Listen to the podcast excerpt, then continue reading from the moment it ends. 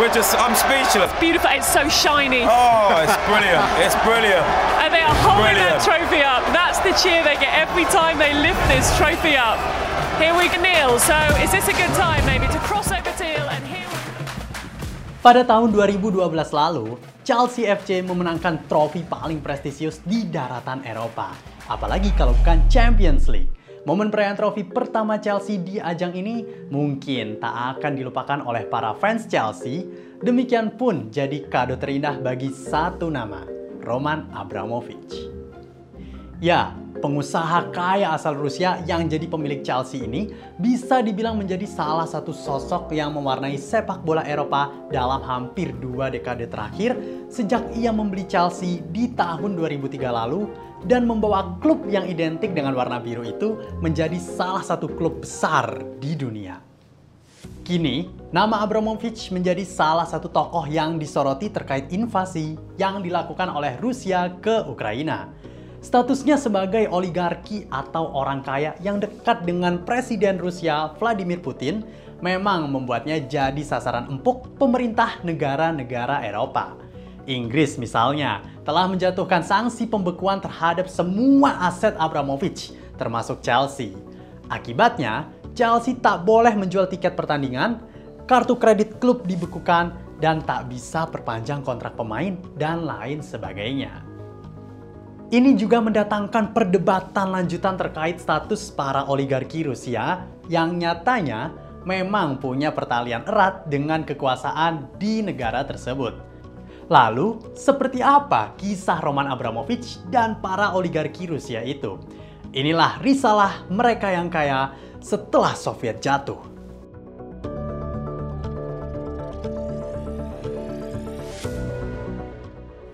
Menyebut Abramovich sebagai taipan kaya raya memang bukan tanpa alasan. Bloomberg mengestimasi total kekayaan bersih Abramovich menyentuh angka 13,5 miliar US dollar atau lebih dari 193 triliun rupiah. Ia juga punya banyak saham di banyak perusahaan, di antaranya perusahaan baja terbesar kedua di Rusia, Evraz. Ia juga punya saham di Norilsk Nickel yang merupakan produsen refined nickel terbesar di dunia. Dua perusahaan ini terdaftar di London Stock Exchange. Aset-aset Abramovich juga tersebar, mulai dari mansion di London, penthouse di Chelsea, ada juga villa mewah di Prancis, hingga super yacht atau kapal pesiar pribadi super mewah. Yes, super yacht Abramovich yang dinamai Solaris adalah salah satu super yacht terbesar di dunia dan disebut bernilai hingga 600 juta US dollar atau sekitar 8,5 triliun.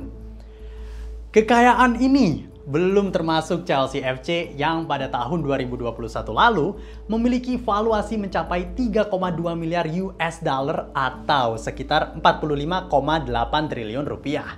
Kejayaan Chelsea sebagai klub bola juga tidak lepas dari investasi berlimpah Abramovich. Tercatat sejak tahun 2003, ia telah menghabiskan 2 miliar pound sterling untuk belanja pemain yang kalau dirupiahkan itu sekitar 37,4 triliun rupiah. Hingga tahun ini ia telah gonta-ganti 13 pelatih dan berakhir 21 trofi untuk Chelsea. Tak heran, fans Chelsea begitu mencintai Abramovich. Kemudian, sebagai seorang keturunan Yahudi, Abramovich juga punya paspor Israel, which is dengan kekayaannya membuat dia jadi orang terkaya kedua di Israel. Ia juga memiliki paspor Portugal dan karenanya membuatnya jadi orang terkaya di Portugal. Hmm, emang sakti sih kekayaannya. Walaupun kalau dibandingkan dengan bangsanya Bill Gates, Elon Musk, or even Jeff Bezos, tentu masih kalah jauh sih.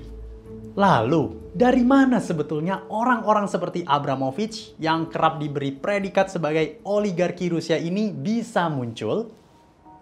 Jika kita telusuri sejarahnya, para oligarki Rusia termasuk Roman Abramovich adalah kelompok pengusaha yang mendapatkan keuntungan pasca keruntuhan Uni Soviet di tahun 1991. Jadi ceritanya, ketika Soviet yang adalah sebuah negara komunis runtuh, aset-aset yang sebelumnya dikuasai oleh negara, misalnya di bidang pertambangan, industri, dan lain sebagainya, kemudian dilelang dan diprivatisasi. Semua ini memang tidak lepas dari program privatisasi ekonomi yang terjadi di tahun-tahun tersebut. Utamanya setelah Mikhail Gorbachev mendorong reformasi lewat program perestroika yang merestrukturisasi sistem politik dan ekonomi Uni Soviet dan kemudian Rusia. Adapun kemunculan para oligarki bisnis masif terjadi di era kekuasaan Presiden Boris Yeltsin. Menariknya, privatisasi ini tidak selalu berjalan dengan fair. Praktik korupsi, manipulasi, membuat banyak aset negara yang berpindah tangan secara murah, bahkan ada yang gratis. Asalkan punya koneksi ke Yeltsin atau ke pemerintah, niscaya seseorang bisa menjadi oligarki bisnis baru. Di era Yeltsin, beberapa nama oligarki terkemuka antara lain Boris Berezovsky, Mikhail Friedman, Vladimir Gusinski, Mikhail Khodorkovsky, Vladimir Potanin, Alexander Smolensky, dan beberapa nama lainnya. Mereka membentuk apa yang disebut sebagai Shemibangkirshina, yang merupakan kelompok oligarki yang memainkan peran penting di bidang politik dan ekonomi Rusia antara tahun 96 sampai 2000. Nah, nama Abramovich sebagai oligarki juga awalnya muncul dari era Yeltsin ini sebagai anak yatim piatu yang mana ayah dan ibunya meninggal ketika ia berusia 4 tahun, Abramovich memang sudah terjun ke dunia bisnis dan perdagangan sejak muda. Setelah privatisasi ekonomi terjadi, pundi-pundi kekayaan Abramovich meningkat lewat bisnis minyak dan peternakan babi. Ia pun sempat dipenjara atas tuduhan mencuri 55 tanker bahan bakar diesel yang menjadi aset pemerintah di tahun 1992. Garis bisnis Abramovich kemudian makin moncer setelah ia berkenalan dengan Boris Berezovsky yang sebelumnya sudah kita singgung sebagai salah satu oligarki bisnis di era Yeltsin. Beberapa sumber menyebut Abramovich menjadi tangan kanan Berezovsky. Di tahun 1996, keduanya mengakuisisi Sipnev, perusahaan minyak terbesar ketiga di Rusia. Sekitar 75,7% saham perusahaan ini kemudian dijual ke Gazprom oleh Abramovich pada tahun 2005 senilai 13,1 miliar US dollar. Sipnev kini dikenal dengan nama Gazpromnev. Nah, balik lagi, kedekatan dengan Berezovsky pada akhirnya membuat Abramovich dekat dengan Yeltsin. Bahkan keluarga Yeltsin memintanya pindah ke apartemen di wilayah Kremlin. Pada tahun 1999, Abramovich terpilih sebagai gubernur provinsi Chukotka dan memimpin selama dua periode sampai tahun 2008. Ada banyak versi kisah seputar relasi Abramovich dan Yeltsin, serta bagaimana hal itu berpengaruh pada kemunculan Vladimir Putin.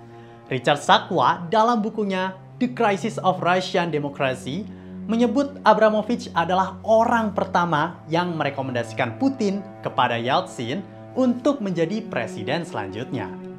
Ia juga menjadi orang yang mewawancarai kandidat yang mengisi jabatan di kabinet Putin ketika ia menjadi Perdana Menteri di tahun 1999. Abramovich memang dianggap sebagai salah satu orang dekat Putin.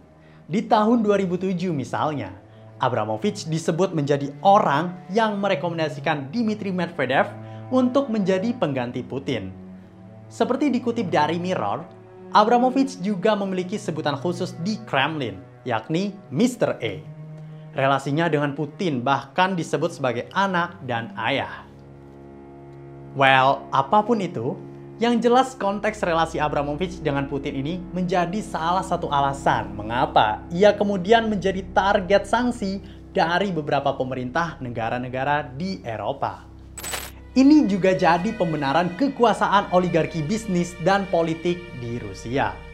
Di era Putin, Abramovich menjadi salah satu dari nama-nama oligarki paling berpengaruh di samping Alexander Abramov, Oleg Deripaska, Mikhail Prokhorov, Alisher Usmanov, Vladimir Potanin, dan lain sebagainya.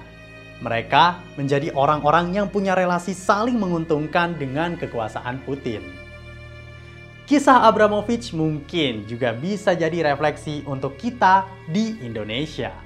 Bahwasanya setiap perubahan entah itu keruntuhan Soviet maupun katakanlah reformasi 1998 di Indonesia, dua-duanya sama-sama melahirkan oligarki bisnis dan politik. Ini jadi pembuktian bahwa kita memang hidup di era hyper reality, meminjam istilah Jean Baudrillard. Sebab, seperti yang Baudrillard tulis dalam bukunya Simulacra and Simulation, one has never said better how much humanism normality, quality of life were nothing but the vicissitudes of profitability.